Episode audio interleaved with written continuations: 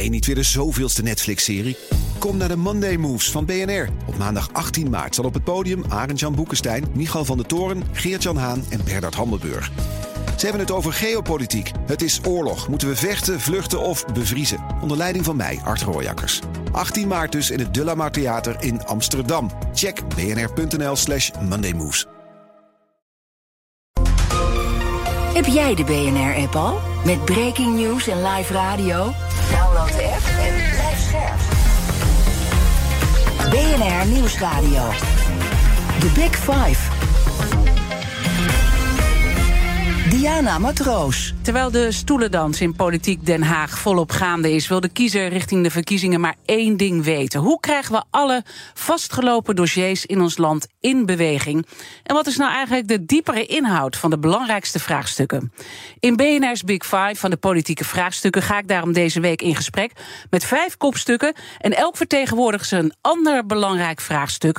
En vandaag sluit ik de week af met Wouter Bos, bestuursvoorzitter van zorgverzekeraar Mensis, oud-minister van Financiën en voormalig leider van de Partij van de Arbeid. Welkom, fijn dat u er bent. Goedemorgen. Uh, we gaan natuurlijk straks uitgebreid praten over de grote vraagstukken van de zorgsector. Hoe we die weer in beweging kunnen krijgen.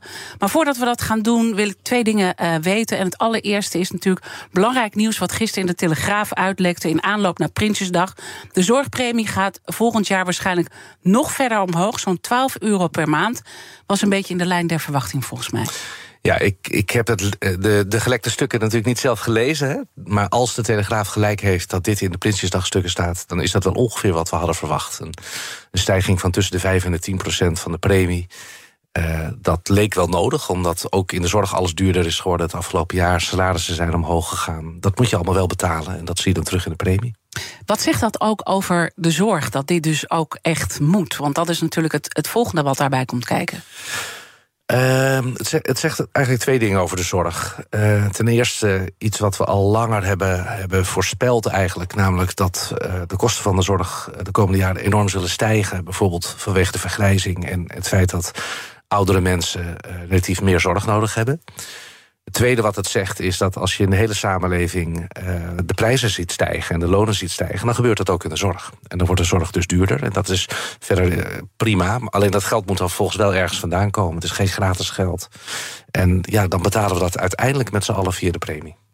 En toch kan ik me ook voorstellen dat het ook ergens raakt als je in die sector werkt. En uh, u heeft ook wel eens gezegd: als je een grote bek hebt en geld, dan komt het wel goed met, uh, met die zorg. Maar voor een heleboel mensen wordt het natuurlijk ook wel heel erg moeilijk om dit nog op te hoesten. Ja, dat is waar. Uh, we, we willen eigenlijk allebei. Hè. We vinden het volstrekt terecht, ikzelf ook, dat de mensen in de zorg ook meer zijn gaan verdienen. Net als in andere CO's zie je dat er ook in de CO's die in de zorgsector zijn afgesloten een flinke plus zit. Meer dan terecht. We hebben die mensen hard nodig dan moeten we ze goed betalen.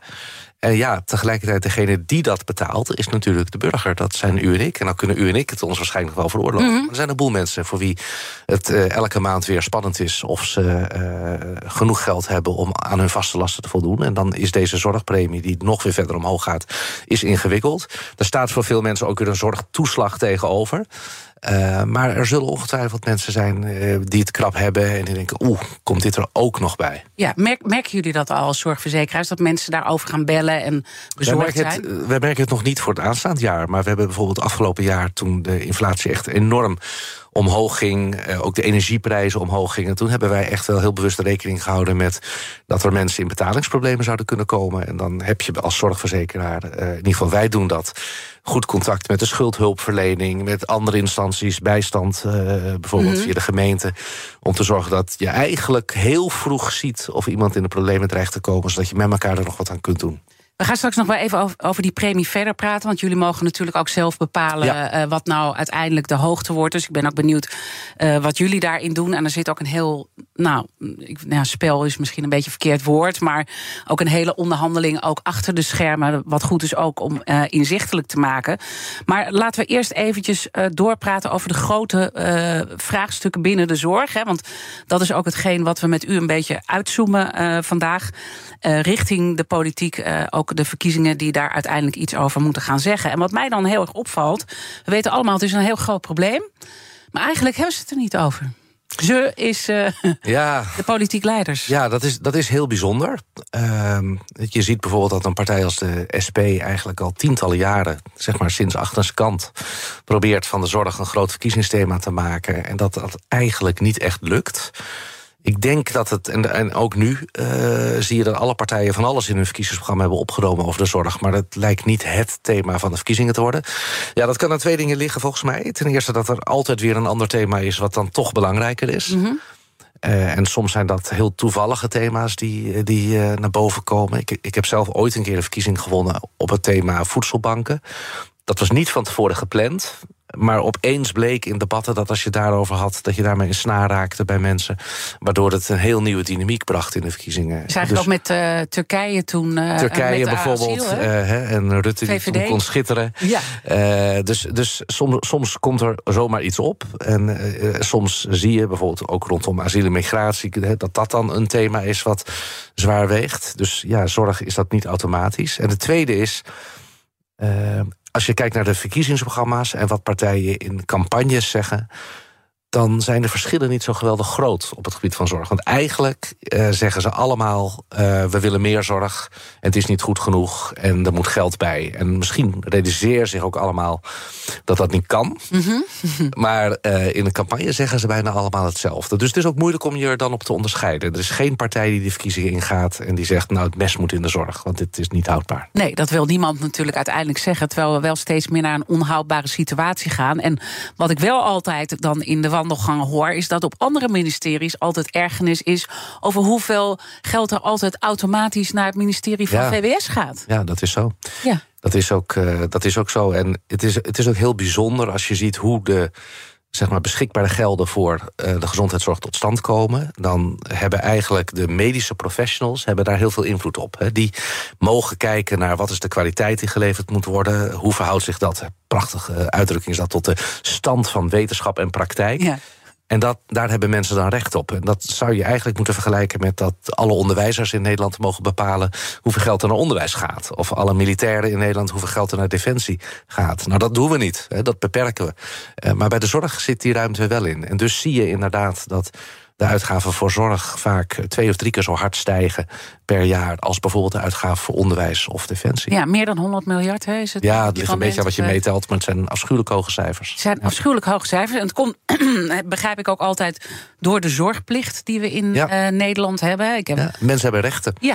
En daar verzekeren ze zich voor. En dan moet je die zorg ook geven. Zo hebben we dat geregeld. Ja, en, en we vinden het met elkaar dus ook heel erg moeilijk om te zeggen dat ja, dat je misschien niet meer uh, tot in lengte vandaag ja. voor opa en oma zorgt. Of wat voor behandeling ja. uh, dan ook krijgt. Dus daarom blijven we daar eigenlijk mee doorgaan. Maar wat staat er dan op het spel nu? Nou, uh, kijk, als je zegt. U, u, heeft recht tot in de lengte der tijden op exact hetzelfde als waar u vandaag de dag recht op heeft. En de hoeveelheid mensen die die zorg moeten leveren zijn niet te vinden of het geld wat je ervoor nodig hebt om die zorg te leveren is niet beschikbaar, en dan knalt het op een gegeven moment op elkaar. Dan gaan natuurlijk toch uiteindelijk bijvoorbeeld wachtlijsten weer groeien. Uh, en dat, dat is wat je uiteindelijk wil, wil vermijden. En er zijn allerlei manieren waarop we dat met elkaar proberen. Uh, maar op dit moment zie je wel weer de eerste tekenen dat wachtlijsten op plekken waar je dat liever niet hebt, toch aan het groeien zijn. En dat uh, zou je eigenlijk met elkaar moeten willen vermijden. En nu bent u natuurlijk ook bestuursvoorzitter geweest uh, van het VUMC, ja. hè, wat op een gegeven moment opgegaan is samen met AMC en het UMC Amsterdam. Maar dan zit je ook als bestuursvoorzitter, denk ik, ook naar dat soort problemen elke dag ja. te ja. kijken. Geef eens een inzicht hoe dat, hoe dat gaat in zo'n boardroom. Ja, het, weet u, er is, er is geen bestuursvoorzitter van een ziekenhuis in Nederland aangenomen met uh, de, de boodschap van ga jij nou zorgen dat we overbodig worden. He, ga jij nou eens lekker voor minder zorg aan de mensen geven. Terwijl eigenlijk als collectief moeten we wel dat proberen. Als collectief moeten we proberen die zorgkosten in de hand te houden. En betaalbaar te houden. Uh, ook omdat we gewoon niet genoeg mensen hebben om die zorg te leveren. Maar ondertussen zie je dat één trapje naar beneden elke individuele instelling toch eigenlijk vooral zelf ook wil overleven. En vindt dat ze zelf de beste zorg leveren. Dus het is heel moeilijk, ook, ook door de manier waarop we dat in Nederland hebben georganiseerd, om iets wat we collectief verstandig vinden, namelijk de zorg toegankelijk en betaalbaar te houden, ook te laten doordruppelen in het gedrag wat je dan van individuele ziekenhuizen en individuele ziekenhuisbestuurders uh, verwacht. En ik heb inderdaad ook aan die kant van de tafel gezeten. En ik, ik ging als bestuurder van VUMC natuurlijk ook niet door mijn ziekenhuis heen en zei tegen de artsen: joh, jij bent overbodig, kun je dat nou niet door een ander ziekenhuis in Amsterdam laten doen? Sommige artsen snappen dat ze die verantwoordelijkheid hebben. En die overleggen met collega's. En die zeggen: ja, het gaat niet om mij, het gaat niet om mijn salaris, het gaat niet om mijn praktijk. Maar het gaat om wat het beste is voor de patiënt. En dan is het volstrekt ondergeschikt of de zorg in dit ziekenhuis of in dat ziekenhuis gegeven wordt. En als we dan beter kunnen samenwerken, dan kunnen we beter gaan samenwerken. En dat, dat zijn hele, hele zinvolle bewegingen, die wel degelijk gelukkig ook gemaakt worden. Alleen dat betekent dat je dus gaat samenwerken met, met collega's in andere huizen. En dat is in Nederland weer ingewikkeld. Omdat de mededingingsautoriteit zegt: hé, hey, wacht eens even. Uh, in de manier waarop we het georganiseerd hebben in Nederland, mag je eigenlijk helemaal niet samenwerken, maar je moet concurreren met elkaar. Ja, dan wordt het wel moeilijk. De Big Five. Diana Matroos. Mijn gast in BNR's Big Five van de politieke vraagstukken is vandaag Wouter Bos. Hij is de bestuursvoorzitter van zorgverzekeraar Mensis. En uh, natuurlijk kennen hem ook uh, vanwege zijn lange politieke verleden als uh, voormalig minister van Financiën ook. Ja, en hoe zou minister van Financiën dan nu kijken naar zo'n gigantische begroting? Straks Prinsjesdag, nou de zorgpremie ja. um, is al uitgelekt. Je weet zelf hoe, u weet zelf hoe dat is om met dat koffertje dan daar naartoe te lopen. Hoe, hoe is die naar die cijfers aan het kijken? Ook horende wat de studiegroep begrotingsruimte heeft gezegd van ja. die topambtenaren. Het loopt uit de hand qua financiën. Nou, bezorgd. Ik ga ervan uit dat de minister van Financiën uh, nu en de volgende bezorgd zijn over sowieso hoe het uh, financieel budgetair gaat hè, in Nederland op dit moment. Die studiegroep begrotingsruimte die is altijd een beetje strenger dan nodig. Dus dat moet je ook wel weer met een korreltje zout nemen, vind ik. Maar dat we in Nederland beter op de centen moeten passen dan de afgelopen jaren is gebeurd. Dat uh, staat wel overeind. En dat gaat ook de zorg raken. Dus de minister van Financiën zal zijn collega van VWS uh, streng toespreken op uh, alle manieren waarop de kosten in hand gehouden kunnen worden. En afspraken die wel of niet nagekomen mm -hmm. Wat daarvan precies in de Prinsjesdagstukken staat, weet, weet ik ook niet. Dat vind ik ook spannend. Ehm, maar uh, als je ziet dat op dit moment veel ziekenhuizen en veel instellingen van ouderenzorg uh, grote moeite hebben om rond te komen met het geld wat ze hebben. Mm -hmm. uh, en er dan aan de andere kant van de tafel een minister van Financiën en denk ik toch ook een minister van VWS zitten die zeggen: ja, het zal allemaal wel, maar ik heb gewoon niet meer geld en misschien moet het in de toekomst zelfs minder. Ja, dan kun je je voorstellen dat dat flink gaat schuren. En dan zegt u, ik vind het best spannend wat er ook in die uh, stukken staat. Waar bent u dan het meest benieuwd naar? Nou, uh, we hebben met elkaar in, uh, in, in de wereld van de zorg afspraken gemaakt in wat dan heet een integraal zorgakkoord. Ja. Om te proberen die zorg een beetje te hervormen met elkaar de komende jaren. Er is ook 2,8 miljard euro eigenlijk opzij gezet om, uh, als, als dat soort plannen niet door onszelf gefinancierd te worden, dat via die gelden mogelijk te maken. Uh, is dat geld nog steeds beschikbaar? Vind ik wel een spannende vraag. Want we weten dat er vanuit het kabinet de afgelopen maanden gezocht is naar manieren om uh, te besparen. Staat die 2,8 miljard gewoon nog overeind? Dat, dat vind ik belangrijk uh, om, om te horen. nou, wat zijn nou precies de overwegingen die het ministerie heeft om te zeggen: die zorgpremie die gaat met ongeveer 12 euro per maand omhoog? Mm -hmm. Uh, wij moeten zelf onze eigen premie straks vaststellen. Dus je wil graag begrijpen wat er achter dat cijfer van het ministerie zit. Uh, hoe kijkt het ministerie tegen het oplossen van de arbeidsmarkttekorten in, uh, in de zorg aan?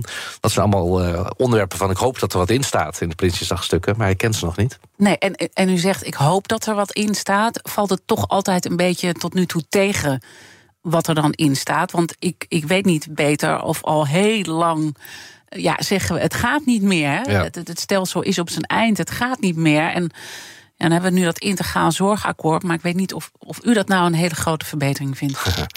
nou, de intenties van het integraal zorgakkoord zijn heel goed. Het wordt echt heel moeilijk en het is heel moeilijk om het allemaal ten uitvoer te brengen. Al, al is het maar omdat het zoveel is. Maar het idee dat je met elkaar zegt: jongens, we moeten een aantal dingen echt anders organiseren. Want anders wordt de zorg niet betaalbaar, vind ik heel goed. Hè. Een voorbeeld wat daarin staat bijvoorbeeld is dat we toch veel meer moeten doen met digitalisering in, eh, in de zorg. Dat mensen niet naar het ziekenhuis of niet naar de polykliniek toe hoeven.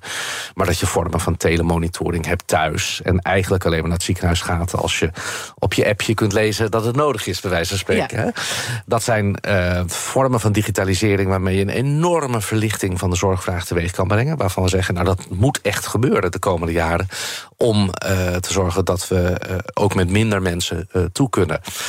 Nou, ik, ik hoop dat we met elkaar ook zeggen... het kabinet, ja, het zal wel dat ze demissionair zijn... en het zal allemaal best dat verkiezingen aankomen... maar laten we dit soort grote bewegingen wel doorzetten met elkaar. En ik hoop in de Prinsjesdagstukken dat uh, alles wat er mogelijk is... om te zorgen dat de afspraken die we met elkaar gemaakt hebben... nu ook gewoon uitgevoerd kunnen worden de komende tijd... dat daar niet opeens een rem op gezet wordt. Dat kan echt enorm helpen. Tegelijkertijd denk ik, het is niet waarschijnlijk... dat een demissionair kabinet met partijen die vlak voor een verkiezingsstrijd zitten... opeens heel nieuwe rigoureuze maatregelen gaan, uh, gaan afkondigen. Uh, dat, is, uh, dat is ook een politieke realiteit die je maar. Ja, weet u, ik, kan, hier, ik kan hier wel heel makkelijk gaan zitten zeggen: de politiek moet kiezen en moet moeilijke keuzes maken. Maar ik, ik ben zelf politicus geweest, geweest en ik weet hoe ingewikkeld dat is. En uh, met een verkiezingsstrijd in aantocht is dat helemaal ingewikkeld. Er wordt geen politicus gewint een verkiezing door te zeggen: het mes moet in de zorg. Uiteindelijk um, sprak ik gisteren ook met Jeroen Dijsselbloem. En die zei: op het moment dat je dan tot de coalitie komt, dan gaan, gaat er opeens toch anders gekeken ja, worden naar een aantal vraagstukken. is eigenlijk heel oneerlijk naar de kiezer hè, dat het zo gaat. Ja, dat, dat, dat is wel waar. Ik denk dat je inderdaad vaak in kabinetsformaties ziet dat er plannen op tafel komen die in de verkiezingscampagne eigenlijk niet besproken zijn. Mm -hmm. dat is zeker bij het onderwerp zorg is dat vaak het geval. Soms ook niet. Het kabinet waar Jeroen Dijsselbloem zelf als minister van Financiën in zat... van 2012, uh, met het de Rutte-Ascher-kabinet, zeg maar... daar hadden alle partijen echt in hun verkiezingsprogramma... forse bezuinigingen op de zorg staan. Dus ook de enige keer dat ik me dat kan herinneren dat dat gebeurd is. Maar dat was omdat iedereen zich realiseerde... dat we vlak na de eurocrisis echt de boel op orde moesten brengen. Dat we een onhoudbare schuld, een onhoudbaar tekort hadden. Dus er moest iets gebeuren. En toen hebben echt van links tot rechts alle partijen uh, bezuinigingen in de zorg in hun verkiezingsprogramma opgenomen. Dus voor de verkiezingen aan de kiezer laten zien. Nog steeds, toen het daarna uitgevoerd werd, schrokken alle kiezers zich rot hè, dat, mm -hmm. het, mhm. dat het gebeurde. Maar het is wel waar, op het moment dat je aan een formatietafel zit, dan komen er ook allemaal ambtelijke notities op tafel. Ja, dat heb je allemaal niet gezien in de verkiezingsstrijd. En dan moet je toch uh, je rekenschap geven van de feiten en af en toe moeilijke keuzes maken. Dat moeten we allemaal uh, laten zien hoe dat uh, gaat uitpakken. Maar we weten gewoon, het, het stelsel heeft het gewoon ontzettend moeilijk. Hè? Ja. Dat, dat is gewoon. Uh, en, en, en, u neemt ook, hè, want u was natuurlijk weg als bestuursvoorzitter van het VUMC, hè, waar, ik, waar ik net over sprak. En nu weer terug in de zorg, dan als zorgverzekeraar topman bij Mensis. En u neemt heel erg de tijd, valt ons op om dat ook heel veel uit te leggen, wat ja. die rol van die verzekeraars is. En dat het niet goed gaat met de zorg. Wat zit daarachter? Um, nou, er zitten twee dingen achter. Ik, ik vind het belangrijk dat mensen in het land begrijpen dat de bomen niet tot in de hemel groeien. Dat er geen gratis geld is, ook niet in de zorg.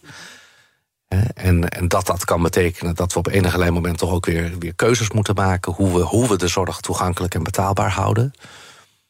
En uh, het maatschappelijk draagvlak voor dat soort keuzes is belangrijk. Dus ik denk dat je daar veel met elkaar over moet hebben. Dat is één reden. En de tweede reden is dat je natuurlijk toch vaak merkt dat zorgverzekeraars de zwarte piet krijgen. Dat het idee is dat zorgverzekeraars enorme winsten maken, terwijl er elders in het land wachtlijsten ontstaan. Uh, terwijl wij mogen niet eens winst maken. Mensen is, een coöperatie. Uh, als wij geld overhouden, geven we terug aan onze verzekerden... door ze het jaar erop een lagere premie te geven. Uh, dus het, het geld loopt wel via zorgverzekeraars. Mm -hmm. Wij krijgen het van de premiebetalers en we geven het uit aan de zorg.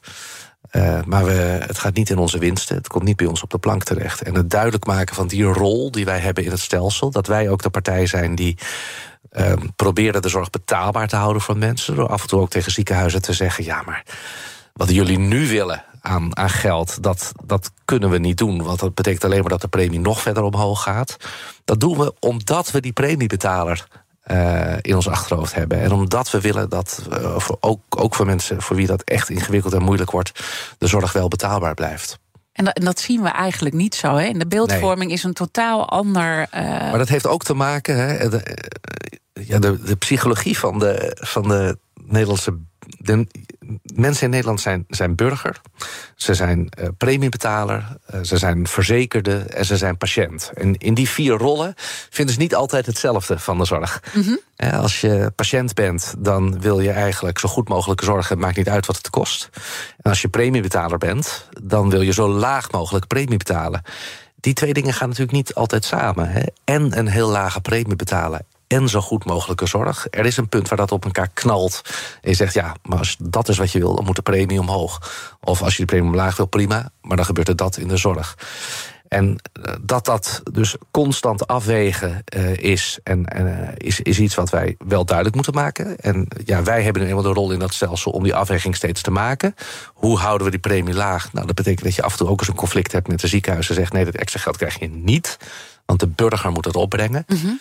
Dat is een rol die wij hebben, ten behoeve van de burger. Uh, maar ja, daar win je niet de populariteitsprijs mee. Want diezelfde burger wil eigenlijk en die lage premie en die hele goede zorg. En dan zie je ook, uh, nou, ik noemde het net spel, dat, dat, dat klinkt een beetje onaardig, maar dat is ook wel wat er dan achter de schermen gebeurt. Hè. Dus ja. uh, er wordt aan één kant wordt er heel erg uh, onderhandeld door jullie met de zorgaanbieders. en tegelijkertijd proberen de zorgverzekeraars die premie zo laag mogelijk te houden. Om uiteindelijk al die klanten toch, ja. hè, want je hebt toch klanten nodig om ook ja. te kunnen overleven. In die zin blijft het natuurlijk toch ook wel weer een, een, een business. En dan zie je eigenlijk dat jullie best veel als mensen veel klanten verloren hebben. Zeker, en andere partijen hebben daar heel veel bij gekregen. Hoe kan het dat, dat jullie het kwijtraken? Wij zijn niet zo groot als sommige anderen. Dat betekent dat het voor ons moeilijker is om kosten te drukken. Als je een grotere zorgverzekeraar bent, dan kun je door de schaalgrootte die je hebt een aantal zaken echt goedkoper organiseren. Dat is voor ons ingewikkelder. Dus met een wat hoger kostenniveau was het voor ons moeilijk om met een lage premie uh, de markt op te gaan. Uh, wij zijn ook wat harder dan andere verzekeraars geraakt door corona en alles wat dat met zich uh, meebracht.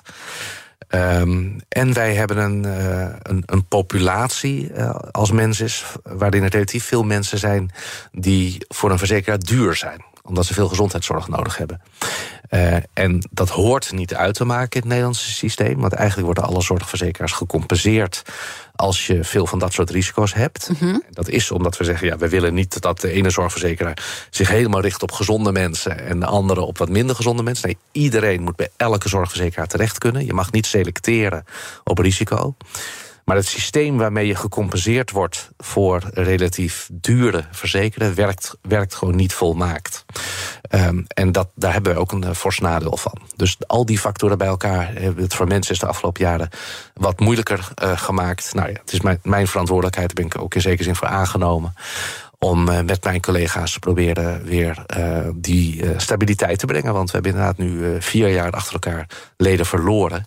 En we willen allemaal graag dat dat een keer ophoudt, want we hebben iets moois te bieden voor de mensen. Ja, en is dat dan een stabiliteit die je zou kunnen aanbrengen als je dus eigenlijk ziet dat ook daar het systeem een beetje verziekt is, hè? Om Nou, zo ja.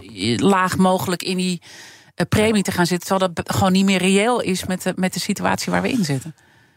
Ik, ik denk dat de zorgverzekeringsmarkt nooit bedoeld is zo te werken als dit nu werkt. Uh, het idee was ooit, mensen kiezen een verzekeraar omdat ze kijken naar de kwaliteit die die verzekeraar biedt. En wat dan de prijs is die je voor die kwaliteit betaalt. En dan verschillen alle verzekeraars in het type dienstverlening wat ze aanbieden. De praktijk is nu dat mensen eigenlijk overstappen door vooral te kijken naar de hoogte van de premie. En dan bijna alle overstappers gaan richting de goedkoopste premie. Uh, en dat betekent dat verzekeraars dan juist alle extra dienstverlening schrappen. Uh, en bijvoorbeeld minder gaan investeren in preventie, omdat ze daarmee de premie omlaag kunnen brengen. Zo is het nooit bedoeld. En dat vind ik jammer. En dat is eigenlijk ook een dynamiek waarin wij als mensen niet mee willen. Laten we daar dan zo meteen over verder praten. Hoe we dat uh, kunnen keren. En ook wat dit betekent allemaal voor de zorgaanbieders. Zometeen praat ik verder met mensistopman Wouter Bos. over het inkoopbeleid van zorgverzekeraars. Blijf luisteren. Het Eneco Klimaatreport van deze week komt uit Amsterdam. Ik ben Pascal en ik sta hier met de oprichter van Wikkelhuis op de werkplaats. Oep, wat zie ik hier? Ja, je ziet allemaal huisjes. En welke rol speelt energie-efficiëntie in jullie ontwerp- en bouwproces? We bouwen alleen maar met hernieuwbare materialen. Maar het leukste is dat we eigenlijk uh, zonne-energie gebruiken voor onze elektriciteit. We hebben duizend zonnepanelen op ons dak van de werkplaats. Duizend zonnepanelen, dat zijn er een hoop. Ik kan me voorstellen dat er veel stroom vanaf komt. Ja, er komt een enorme bak met stroom uit. En soms in de zomer is dat ook te veel. En daarom werken we samen met uh, Eneco, met het uh, opwek optimaal systeem. En wat doet dat systeem? Een soort dimmer. Dat als er te veel stroom is, dat je dat zeg maar wat terug reguleert, zodat er geen netcongestie ontstaat. Want dan zou alles vast vastlopen. Uh, juist de balans op het energienetwerk. Ja, precies. En zo werkt Wikkelhuis samen met Eneco aan klimaatambities. Is het ook iets voor jouw bedrijf? Check dan eneco.nl slash klimaatambities.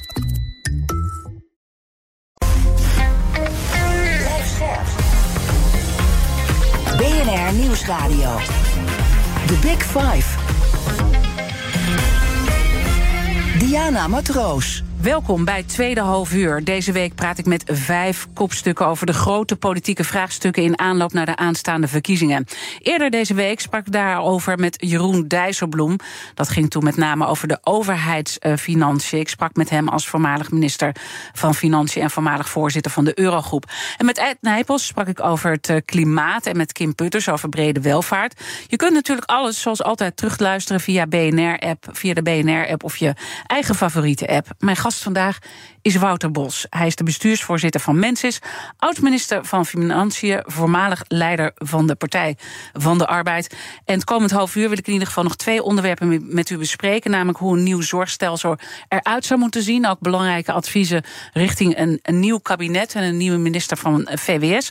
En het inkoopbeleid van de zorgverzekeraars. Laten we met dat laatste beginnen, want we waren eigenlijk al op dat punt uh, aangekomen. Uh, nou, dat u ook aangaf uh, hoe er nou ja, druk wordt onderhandeld over die premies uh, naar beneden drukken. We weten nu in aanloop naar Prinsjesdag dat het zo uh, 12 uh, euro per maand omhoog gaat. Weten jullie al of jullie daarin meegaan of dat jullie daar toch een andere nee, koers kiezen? Nee, dit is, uh, dat weten we niet. Dat uh, wordt eigenlijk allemaal de komende weken verder doorgerekend. Uh, Zo'n eerste schatting van het ministerie is bij alle verzekeraars uh, gaat dat de modellen in. Van oké, dit is wat het ministerie verwacht. Zien wij nou uh, de ontwikkeling van de zorgkosten anders dan het ministerie of niet? Dan ga je naar dat soort zaken kijken. Er zijn ook verzekeraars die relatief veel kapitaal over hebben gehouden de afgelopen jaren. Die kunnen er bijvoorbeeld voor kiezen om dan hun premie lager vast te stellen. En dat kapitaal in te zetten om het eigenlijk terug te geven aan verzekerden. Er zijn andere verzekeraars die zich dat niet kunnen veroorloven. Mm -hmm. En die misschien juist boven de premie van het ministerie moeten gaan zitten. Dus iedere verzekeraar bepaalt dat uh, voor zichzelf. Uh, er zijn ook verzekeraars die misschien zeggen... ik wil nu een enorme slag maken op die markt. Ik wil een paar honderdduizend verzekerden verze ver veroveren op mijn concurrenten. Dus ik breng de premie echt fors lager dan wat het ministerie nu zegt ja, uh, maak je er dan nog een positief resultaat op of verlies je dan geld? En als je dan geld verliest, gaat dat ten koste van je buffers. Dat zijn allemaal afwegingen die je maakt. En dat gaat grote modellen in. En dan op 12 november maken alle verzekeraars bekend wat het voor hun geworden is. Maar het is een hele spannende tijd. En u kijkt dus ook uh, graag dan naar die toelichtingen uit. Zeker, uh, hè, ja. hoe, hoe, dan in die Prinsjesdagstukken daarnaar gekeken wordt. Wat voor toelichting zou in, in dat opzicht belangrijk zijn om daarin mee te nemen? Nou, wat, wat, wat ik persoonlijk erg belangrijk vind om beter zicht op te krijgen, is de vraag uh, of het ministerie een welke schatting, het, inschatting het ministerie gemaakt heeft van wat nou de invloed is van de situatie op de arbeidsmarkt, op hoeveel kosten wij in de zorg maken. Uh, want wij zien zelf, als wij uh, contracten afsluiten met aanbieders van zorg, dus ziekenhuizen, ouderenzorginstellingen. Uh, dat ze best meer zouden willen leveren aan zorg. Dat ze ook best meer cliënten hebben die daarom vragen. Maar dat ze eigenlijk de mensen niet in huis hebben om het te leveren. En dat is natuurlijk een heel pijnlijke situatie. Maar de andere kant van de situatie is dat daardoor de kosten van de zorg ook gedrukt worden. Want ja, zorg die niet geleverd wordt, kost ook niks. Uh, dus het, het personeelstekort uh, in de zorg. Uh, dempt ook wel een beetje de kostenstijging. En hoe het ministerie dat precies voor zich ziet het komend jaar, vind ik, vind ik interessant. Ik vind het om nog een andere reden interessant. En, en dat is dat ik eigenlijk merk in een heleboel discussies dat als we het hebben over uh, personeelstekorten in de zorg, ja. dan zit je eigenlijk al in een groef waardoor je denkt, oké, waar ga ik nou al die mensen vinden die, die we tekort komen? En er zijn cijfers dat we afsteven op een tekort van wel 130.000 mensen. Waar ga ik die 130.000 mensen vinden? En ik denk dat dat de verkeerde groef is. Omdat uh, eigenlijk hebben we al eerder tegen elkaar gezegd... we moeten niet willen dat er nog meer mensen in de zorg werken in Nederland... dan er nu al in de zorg werken. Want we hebben ze ook nodig in het onderwijs. We hebben ze ook nodig in het leger. We hebben ze ook nodig in het bedrijfsleven. Ook in de horeca, waar je ja. steeds langer moet wachten... Hè, op ja. je kopje koffie of op je pilsje. Er zijn overal tekorten, ja. Er zijn overal tekorten. En uh, we moeten niet nog meer mensen in de zorg laten werken. Dus als je zegt, ja, eigenlijk willen we niet... dat er nog meer mensen in de zorg gaan werken... maar we stevenen wel af op 130.000 mensen tekort... dan moeten we misschien de boel helemaal omdraaien en zeggen... ja, we, we hebben niet een tekort aan mensen in de zorg. We hebben eigenlijk te veel aan banen. We moeten eigenlijk met elkaar zorgen dat we 130.000 banen minder nodig hebben in de zorg. En dat betekent dat je dus enorm moet gaan inzetten op dat je de zorg anders organiseert. Uh, dat je veel meer gebruik maakt ook van digitale hulpmiddelen, zodat je dezelfde zorg kunt leveren zonder dat je die 130.000 mensen nodig hebt. En uh, dat is iets waar uh, ook hulp voor nodig is van, van het ministerie. En ik ben ongelooflijk benieuwd wat daarover in de Prinsjesdagstukken staat. Ja, en dan uh, moeten we dat dus uh, afwachten hoe dat uitpakt. Je zou ook kunnen zeggen, um, uh, want daar, die kritiek hoor je ook als je het over de arbeidsmarkt hebt. Er werken wel heel veel ZZP'ers ja. ook in die zorg. En die zijn flink aan het declareren ook. Ja. dat gaat om flinke tarieven. En dat is, dat is toch ook een, een, eigenlijk een probleem. Ja, dat is een groot probleem. Ja. Dat is echt een groot probleem. Ehm, mensen, er zijn veel mensen die in de zorg werken die ervoor kiezen om als ZZP'er verder te gaan. Uh, omdat dat beter betaalt of beter lijkt te betalen. Je krijgt meer in het handje, maar je, bouw je bijvoorbeeld ook een pensioen op. Ben je goed verzekerd? Hè? Dat is dan wel de vraag. Uh, en het tweede wat je ziet is dat ze die keus maken... omdat ze dan bijvoorbeeld minder avond- en nachtdiensten moeten werken. Maar het gevolg is dat de mensen die gewoon in loondienst werken... bij het ziekenhuis of bij de ouderenzorg... dat zij steeds maar die avond- en uh, nacht- en weekenddiensten moeten draaien. Dat komt dus steeds zwaarder neer op een steeds kleinere groep werknemers. En daar groeit dan natuurlijk ook de stress. En die mensen zeggen op een gegeven moment ook tabé, uh, bekijk het maar. Mm -hmm. Dus uh, dat werkt heel oneerlijk uit. En, en je ziet dus dat er in, in de zorg wel consensus groeit... dat er veel minder ZZP'ers zouden moeten werken dan nu het geval is.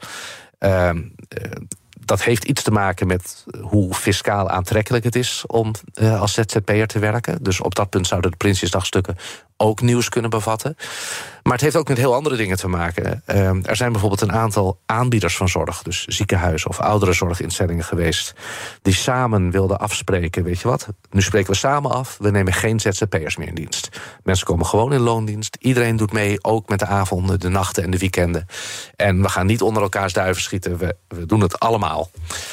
En dan krijg je opeens te horen van de Autoriteit Consumentenmededinging, de ACM, dat je zo'n afspraak niet mag maken. Omdat je ook op arbeidsvoorwaarden met elkaar hoort te concurreren.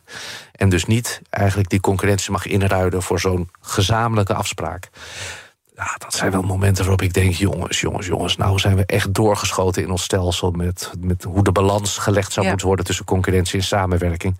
Geef die zorgaanbieders nou alsjeblieft de ruimte... om dit probleem op te lossen en daar samen afspraken over te maken. Want met die zorgaanbieders weten we dat het gewoon echt heel slecht gaat. Hè, ja, moment. het beeld verschilt wel erg. Mm -hmm. uh, er, zijn, uh, er zijn echt zorgaanbieders die uh, de zaak prima voor elkaar hebben. Zelfs als het financieel allemaal wat krapper wordt. Er zijn ook hele goede werkgevers in de zorg waar mensen niets liever doen dan in loondienst werken en er geen ZZP'ers zijn. Dus het beeld is heel verschillend. Maar als je door de oogharen kijkt, of de volle breedte, dan zie je wel dat steeds meer instellingen het financieel moeilijk hebben. Sommige instellingen ook hard geraakt zijn door corona. Die hebben dus ook geen reserves waarmee ze het even kunnen opvangen als het wat minder gaat. Uh, en ja, als je bijvoorbeeld evenveel moet blijven betalen aan je gebouwen en aan je energie. Uh, terwijl het aantal mensen wat je hebt, wat zorg kan leveren en waarmee je dus ook geld verdient als instelling, afneemt, dan kom je wel in de financiële problemen. En dat is uh, echt ingewikkeld voor de En er zijn natuurlijk ook wel uh, wat uh, instanties die dat op een rij zetten. Eén op de drie leed in 2022 verlies. Dat, is dan, dat zijn dan cijfers van BDO. Die noemden de situatie in de ouderenzorg ja. zelfs onhoudbaar. Um, u praat natuurlijk ook met die zorgaanbieders. Hoe, hoe gaan dat soort gesprekken? Ja, uh, moet, moet even realiseren dat uh, als een instelling verlies maakt, is dat niet meteen een ramp. Hè? Uh, wij hebben als mensen ook verlies gemaakt de afgelopen jaren, maar we hadden goede reserves opgebouwd, dus we konden het hebben. En een gezonde bedrijfsvoering mag je ook vragen van oudere zorginstellingen. Mag je Jullie ook moeten ook veel eigen vermogen aanhouden. Ja, hè? wij moeten veel eigen vermogen houden. Juist zodat je ook het een keer kunt opvangen als het tegen, uh, tegenvalt. Maar dat mag je ook van ziekenhuizen vragen. Dat mag je ook van oudere zorginstellingen vragen. Dus men moet uh, verstandig beleid voeren... zodat als het tegenzit je niet meteen aan de rand van de afgrond staat. Uh, niettemin, uh, er zijn een, een toenemend aantal instellingen in de ouderenzorg... waar het echt ingewikkeld wordt. Uh, en ja, het is, het is, heel cynisch misschien. U vraagt hoe praten jullie met ze, wanneer praten jullie met ze? Uh, op dit moment gebeurt dat heel veel in de rechtszaal. Ja. En dat is echt diep triest. Dat er een hele batterij aan rechtszaken gevoerd wordt tussen eh, de zorgaanbieders in de ouderenzorg en in de gehandicaptenzorg enerzijds en zorgkantoren, dat zijn de uitvoerende organisaties Mhm. van de zorgverzekeraars anderzijds. Omdat die aanbieders allemaal zeggen, eigenlijk, krijgen we te weinig geld om te doen wat we moeten doen.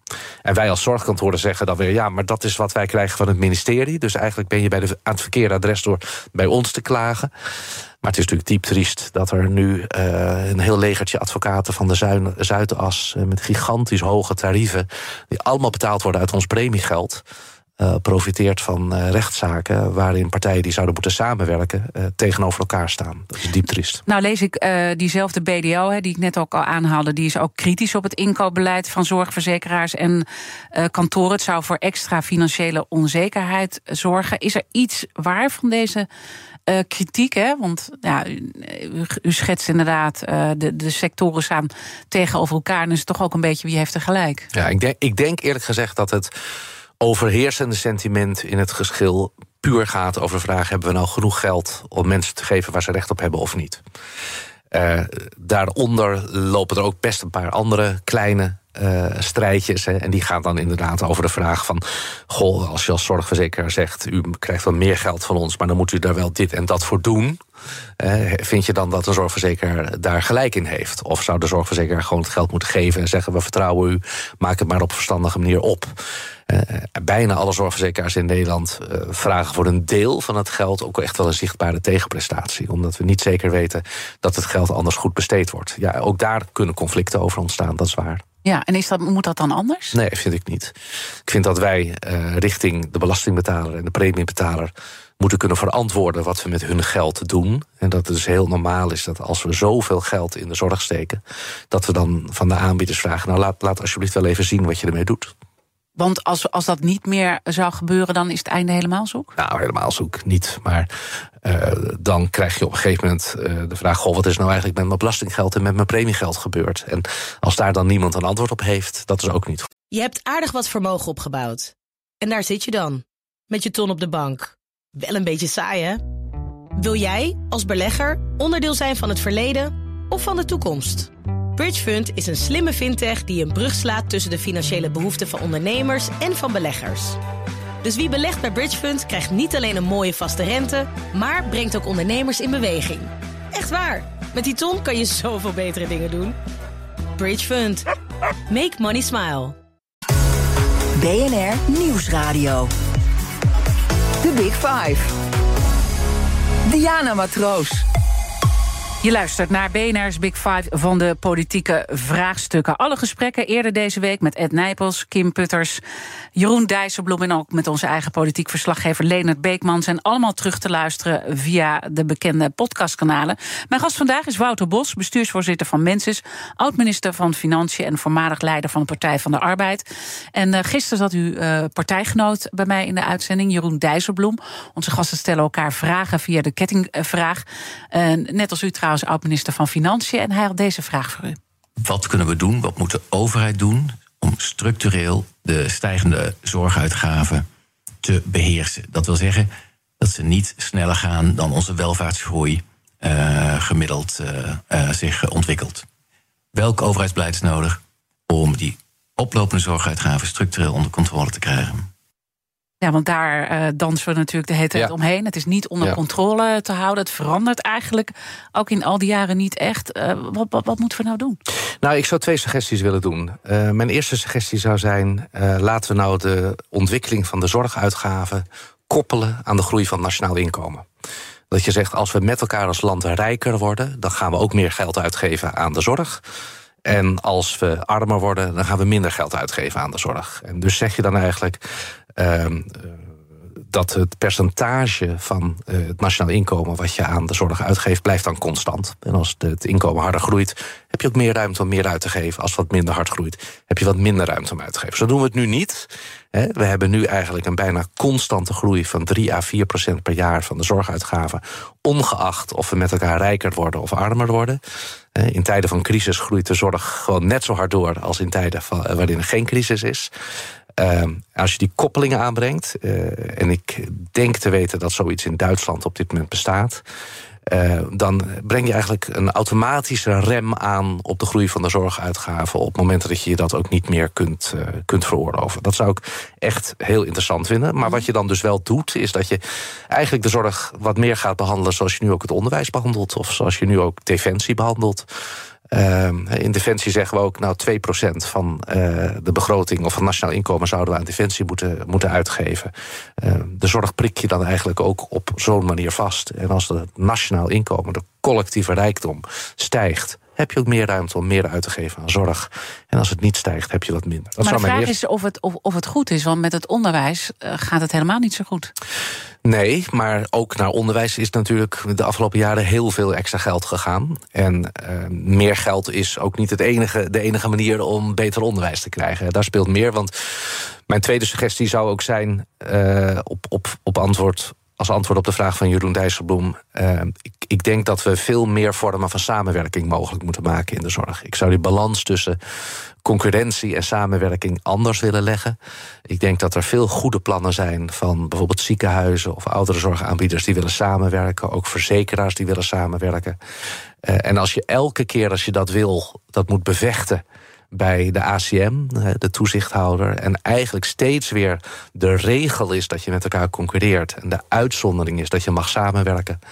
Dan doe je geen recht, denk ik, aan wat op dit moment het hardste nodig is. En wat, wat op dit moment echt nodig is, is dat partijen gestimuleerd worden om samen te werken. Maar je moet jezelf dan ook overbodig willen maken. Hè? Want ik bedoel, in het integraal zorgakkoord uh, draait ook alles om ja. uh, meer uh, samenwerken. Nou komt nog niet echt van de grond. Uh, daar, daar, hebben we het natuurlijk ook al eventjes uh, over gehad. En dat heeft ook te maken dat je jezelf overbodig moet durven maken als zorgspeler. Ja, dat, dat is zo. Uh, en, en, maar er staat tegelijkertijd ongeveer 2,8 miljard euro klaar om partijen te helpen toch die keus te maken. En de pijn ook te verzachten van het feit dat er misschien wat minder patiënten bij jouw ziekenhuis komen. En dat in de samenwerking besloten wordt om wat meer patiënten naar een ander ziekenhuis te, te laten gaan. Maar kijk, als je, als je te weinig uh, artsen hebt en te weinig verpleegkundigen. en uh, je houdt overal alles open dan uh, is dat eigenlijk niet het beste gebruik van je capaciteit. Terwijl als je zegt, we werken samen... Uh, moet, moeten er in een stad als Amsterdam... drie of vier spoedeisende hulpen elke nacht open zijn? Of zeg je, nou, misschien kunnen dat er door de week wel minder zijn. De ene keer bij ja, ga jij dicht, de andere keer ga jij dicht. Mm -hmm. Dat is een vorm van samenwerking, waardoor ik denk... nou, dan gebruik je eigenlijk de hoeveelheid beschikbaar personeel verstandiger... dan als iedereen voor zich ja, alles probeert te Maar blijven er is heel veel weerstand ook geweest hè, bij de ziekenhuizen. Want iedereen weerstand, wil... Ja. Uh, u bent zelf natuurlijk bestuursvoorzitter geweest ja. van het VMC. Iedereen wil die spoedeisende ja, hulp. dat is helemaal waar. En op het moment dat je spoedeisende hulp ergens sluit... zie je ook dat een gemeenteraad in actie komt. En, he, dat, dus dat moet nou, heel dat, zo... De medisch specialisten ook ja, weggaan, ook. want het is ook status. Hè? Ja, ja, dat is allemaal waar. Uh, maar wat je nu wel ziet gebeuren, is dat een heleboel ziekenhuizen gewoon de mensen niet meer hebben, de artsen niet meer hebben, de verpleegkundigen niet meer hebben, om zelf al hun afdelingen over, open te houden. En dan denk ik dat samenwerking met andere ziekenhuizen om te zorgen dat in een regio essentiële zorg voor iedereen betaalbaar en toegankelijk blijft, heel belangrijk is. En als die samenwerking onmogelijk wordt gemaakt, omdat eigenlijk de hoofdregel is: je moet met elkaar concurreren, dan hebben we echt met elkaar de verkeerde afslag genomen. En dat zou eigenlijk ook steeds meer regionaal zou dat ja. georganiseerd hebben. Ja, dat is je moet dat mij niet, droombeeld. Wat je moet niet vanuit Den Haag dat allemaal gaan zitten regelen. Uh, ik, ik, kijk, wij zijn als mensen zelf heel groot in Groningen, in Twente, in de Achterhoek. Dat is precies ook de regionale schaal waarop je met elkaar om tafel moet gaan zitten en zeggen: wat is ons plan? Ja. Wat gaan we doen? Hoe houden we het voor al onze inwoners toegankelijk? Dat gebeurt ook. Hè. Dat was een van de plannen uit dat integraal zorgakkoord. Dat je op regionale schaal die plannen maakt. Uh, nou, die partijen zitten nu door het hele land heen om tafel met elkaar. En nu gaan we de spannende fase in van welke plannen komen er dan uiteindelijk uit. Het is ook een beetje het punt om toch ook een, uh, een beetje de balans op te maken en terug te kijken. We hebben een uh, nieuwe minister van uh, Volksgezondheid natuurlijk gehad, Ernst Kuipers, nu intussen demissionair. Nou ja, de vraag is of hij terug kan komen. Hè. Als je kijkt nu naar de peilingen, dan is het hier van, vanuit D66 best moeilijk. Maar heeft hij het in uw ogen goed gedaan? Want hij is natuurlijk met het integraal zorgakkoord gekomen. Maar volgens mij bent u daar ook kritisch op waar dat nu staat. Heeft hij het goed gedaan? Ja, ik denk dat hij het goed gedaan heeft. Hij, uh, het is sowieso uh, voor de hele sector heel fijn om, om een minister te hebben die ter zake kundig is, die het snapt, die weet wat er gebeurt in de wereld van de zorg, die als medicus ook nog iets snapt van alle mogelijke ziektes en bacteriën en virusjes en daar heel gemakkelijk over praat. Niet in algemeenheden, maar gewoon concreet kan zijn omdat hij het snapt. Dat is fijn. Ehm, ik denk dat de richting waarin het integraal zorgakkoord gaat ook een goede is. Mijn persoonlijk advies aan hem is wel altijd geweest... je had het ook best iets kleiner kunnen maken. Want het is iets makkelijker om een kleiner akkoord goed uit te voeren... dan een akkoord met een paar honderd actiepunten. Dan is het met al die partijen rondom de tafel op een gegeven moment best... Wordt een beetje vaag. Dat risico is er. Ja. Vindt u dat? Is het te vaag? Ja, dat risico is er. Ja, dus u zegt het heel diplomatiek. uh, laten we dit slotstuk gebruiken om toch ook nog eventjes uh, naar uw P van de A-verleden te kijken. Want we hebben nu natuurlijk de combinatie GroenLinks uh, Partij van de Arbeid. U bent ook voorstander geweest hè, met die hele mooie brief die ooit is geschreven. Daar stond uw naam ook over dat het een, een goede koers is. Tevreden hoe dat nu uitpakt? Zeker, ja. Ja, je kunt ook niet anders zeggen, hè, natuurlijk. Ik, ik zou heel veel anders kunnen zeggen, maar ik voel die behoefte niet. Ik ben blij dat dit gebeurt. Ik denk dat het een goede zaak is. En ik vind het heel knap hoe dat eigenlijk zowel de samenwerking als het schrijven van een programma, als het kiezen van een lijsttrekker, allemaal heel rimpeloos gaat. Dat is uh, boven verwachting. En natuurlijk met de nieuwe leider, Timmermans. Uh, ik sprak eerder deze week met uh, onze politiek verslaggever Leonard Beekman. En hij gaf aan, we horen nog niet zoveel van hem. Ja, daar zal wel een uh, super intelligente campagnestrategie achter zitten, ja, denk precies. ik dan. Dat gaat in één keer losbarsten. Kijk, Frans heeft natuurlijk een aantal jaren in Brussel gezeten. Dus die zal zich ook op een aantal dossiers moeten inwerken... die gewoon heel specifiek Nederlands zijn. Dus ik vermoed dat hij uh, onder de radar uh, overal allerlei mensen en instanties bezoekt... en stukken leest om straks goed beslagen ten ijs te komen. Uh, het moet natuurlijk nog echt losbarsten, uh, die campagne. Maar we weten één ding zeker. We zien echt een nieuwe politieke generatie uh, opstaan. En ook, nou ja, de vraag is hoe groot dan echt de, ja, die koers verlaten wordt van het tijdperk Rutte. Hoe kijkt u naar het nieuwe speelveld? Want echt alles ligt open. Nou, ik ben ook wel een beetje bezorgd over de enorme hoeveelheid ervaring die verdwijnt uit de, uit ja. de politiek. Politiek is ook een vak. Het is echt niet iets wat je zomaar doet. Uh, en als al die nieuwe Kamerleden daar straks zitten, uh, relatief jong, relatief onervaren. En ja, er verschijnen indrukwekkende analyses en rapporten van ambtenaren. En niet alles waarvan je dacht dat het mogelijk was, blijkt in de praktijk ook te kunnen. Dan wordt het heel spannend. En dan is het ook gewoon heel zwaar voor, voor zo'n nieuwe generatie. Dus ik, ik, hoop, ik hoop echt dat we iets terugzien aan, aan nieuwe energie. Door, door al die nieuwe mensen die daar komen. Uh, maar niet moeten, denk ik, met elkaar ook niet onderschatten hoe belangrijk ervaring en gewoon opgedane competenties zijn in het, in het vak van politiek mm -hmm. bedrijven. Um, en uh, nou ja, dat, daar wordt de ene partij straks denk ik zwaarder door geraakt dan, uh, dan de ander. Maar op zich is verjonging en vernieuwing eens in zoveel tijd natuurlijk heel welkom. Ook om proberen nou die dossiers eindelijk in beweging te krijgen. Ja, wie weet wat, wat dat allemaal doet. En we hebben al jaren onze mond vol over nieuwe politiek en een nieuwe bestuurscultuur. Ik ben er wel van overtuigd geraakt dat dat ook begint met nieuwe gezichten. Eén ding moeten we nog ver... Je hebt aardig wat vermogen opgebouwd. En daar zit je dan, met je ton op de bank. Wel een beetje saai, hè? Wil jij, als belegger, onderdeel zijn van het verleden of van de toekomst? Bridgefund is een slimme fintech die een brug slaat tussen de financiële behoeften van ondernemers en van beleggers. Dus wie belegt bij Bridgefund krijgt niet alleen een mooie vaste rente, maar brengt ook ondernemers in beweging. Echt waar, met die ton kan je zoveel betere dingen doen. Bridgefund. Make money smile.